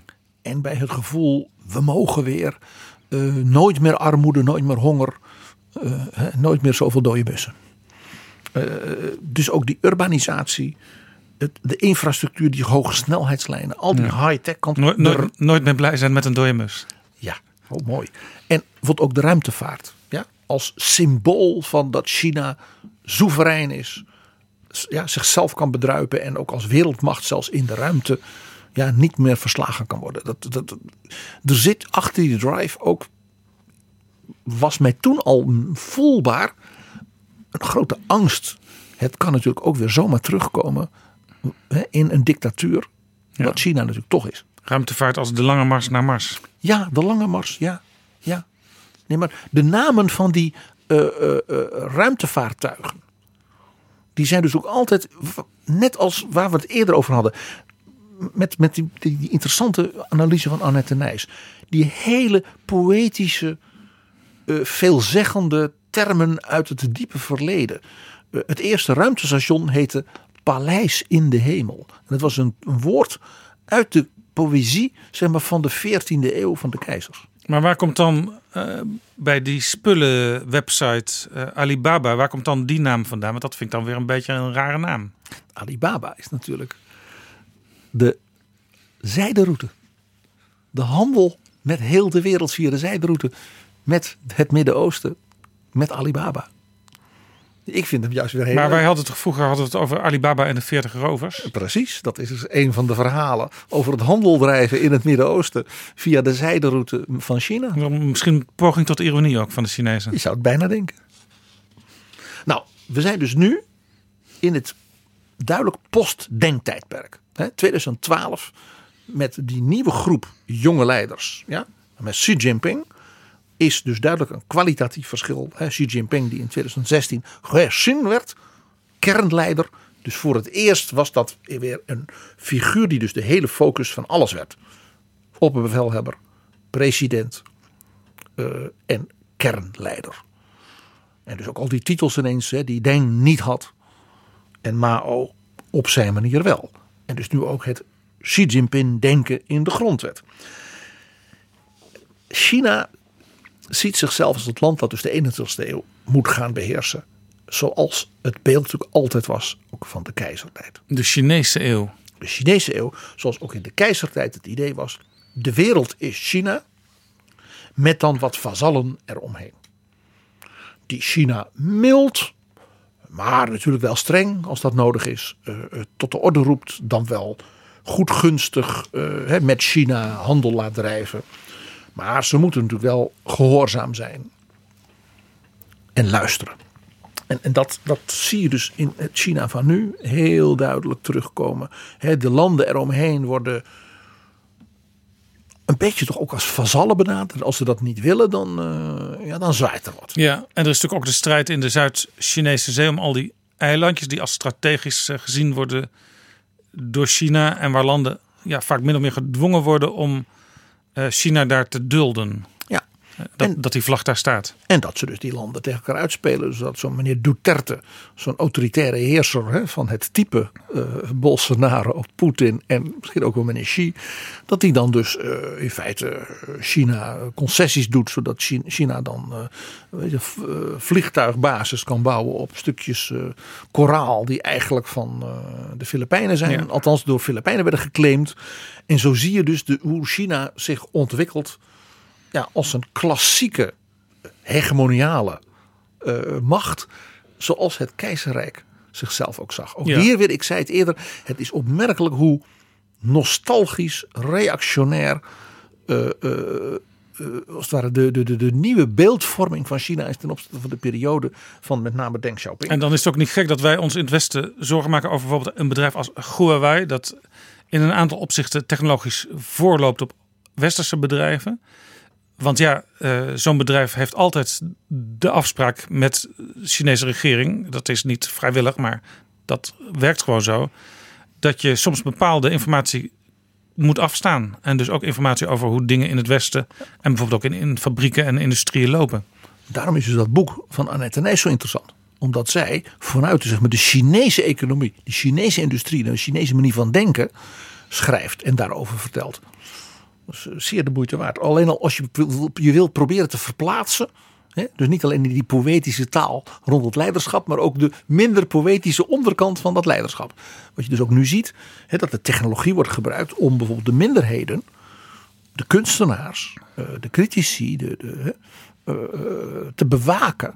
Ja, ja. te- te- te- nou ja, en meer dan dat. Eigenlijk elke Chinese burger die, die wordt in de gaten gehouden. Die heeft een soort sociale kaart. En eh er, er was een tijdje geleden een mooie reportage over van Ruben Terlouw. Die natuurlijk een aantal Oh ja, langs de oevers van de Yangtze. mooie documentaires heeft gemaakt voor de VPRO. we- weinig mensen die zo intens die binnenkant van China, waar we het nu een paar keer over hadden, ook zeg maar zoals de boeken van die Kutter, ook die binnenkant van China. Hij spreekt en verstaat natuurlijk heel Ja. perfect Chinees. En je, je ziet in zijn documentaires ook dat hij soms iemand op straat aanspreekt die dan denkt wat ja wat moet dat hier met die camera en zo en dan later, dan is de camera stilgezet en later komt die persoon dan weer terug en die wil dan uiteindelijk wel iets vertellen. Want hij begrijpt inmiddels dat Ruben Terlouw heel veel van de Chinese ziel eh, gewoon begrijpt en doorgrondt. En dus voelen ze zich bij hem op, op hun gemak. hier helpt dus enorm dat eh, Terlouw fotograaf is. Het is iemand met een artistieke ziel. En dat is iets wat de Chinezen met hun een eeuwenoude eh, cultuur, ja, daar, daar kunnen ze iets mee. En hij kan iets met hen. Daardoor, Ja, wat hij onder andere over dat punt van hoe artificial intelligence ja want ik herinner me werd hem- gebruikt. Ja, eh, wat was het ook alweer bij, bij oversteekplaatsen? Ja, een soort, soort, dat was toen in, in het, bij ons nog niet zo bekend, maar inmiddels is het een, een groot ding in China aan het worden. Een, een, zo, zo- een kruispunt met natuurlijk stoplichten en zo, eh, maar ook overal camera's. En als jij oversteekt terwijl het voor jou rood is, dan wordt dat gesignaleerd. En het gaat zelfs zo dat als dat bij wijze van spreken drie keer in een bepaalde tijd gebeurt, dan kun je wel fluiten naar je, jouw promotie op je werk. Laat staan als je eh, een, een, een illegale tentoonstelling van Ai zou bezoeken. Of dat je iets gelooft wat het regime niet bevalt. Religieus of politiek en dergelijke. Eh, de software overigens is eh, gekocht in Nederland. Wij zijn een mercantiel land. Hoe vaak heb ik dat al niet gezegd? Ja.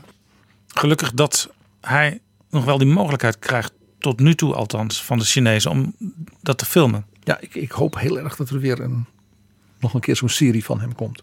Eh, Jaap, we gaan eindigen, je zal het niet geloven, met opera. Nee toch? Jawel. De, misschien wel een van de allerbelangrijkste en meest befaamde moderne opera's is van de Amerikaanse componist John Adams. Die opera had zijn première in 1987 in de opera in Houston. Ah, Nixon in China. Nixon in China. En de Europese première was een paar maanden daarna in Amsterdam. In de toen eigenlijk net geopende Stopera.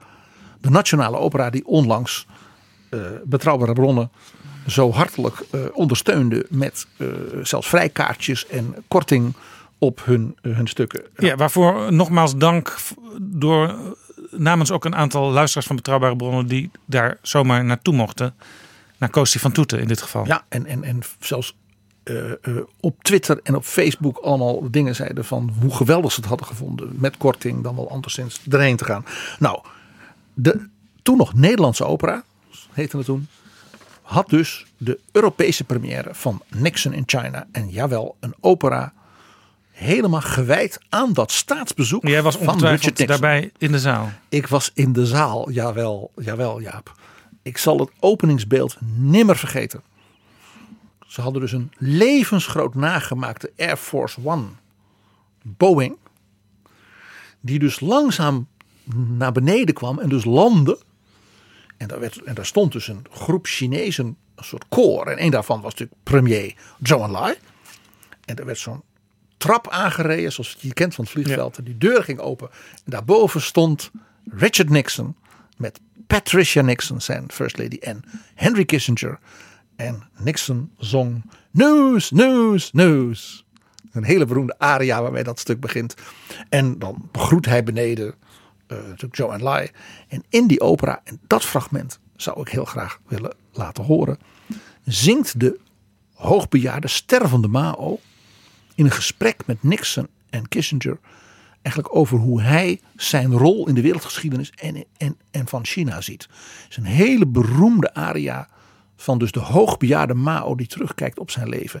En ja, eh, bij deze editie van Betrouwbare Bronnen is dit eh, natuurlijk een stukje opera dat niet mag ontbreken. We luisteren naar Nixon in China, klein stukje. The regime survives in that and not in time.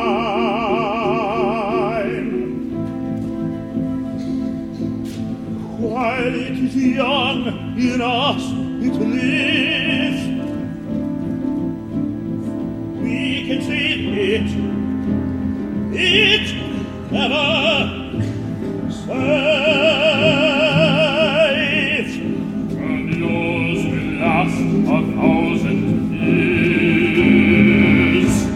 Dat was een stukje uit Nixon in China. Toch weer opera in betrouwbare bronnen, PG. Het blijft actueel. Dankjewel voor dit gesprek. Dit was Pieter Gerrit Kroeger.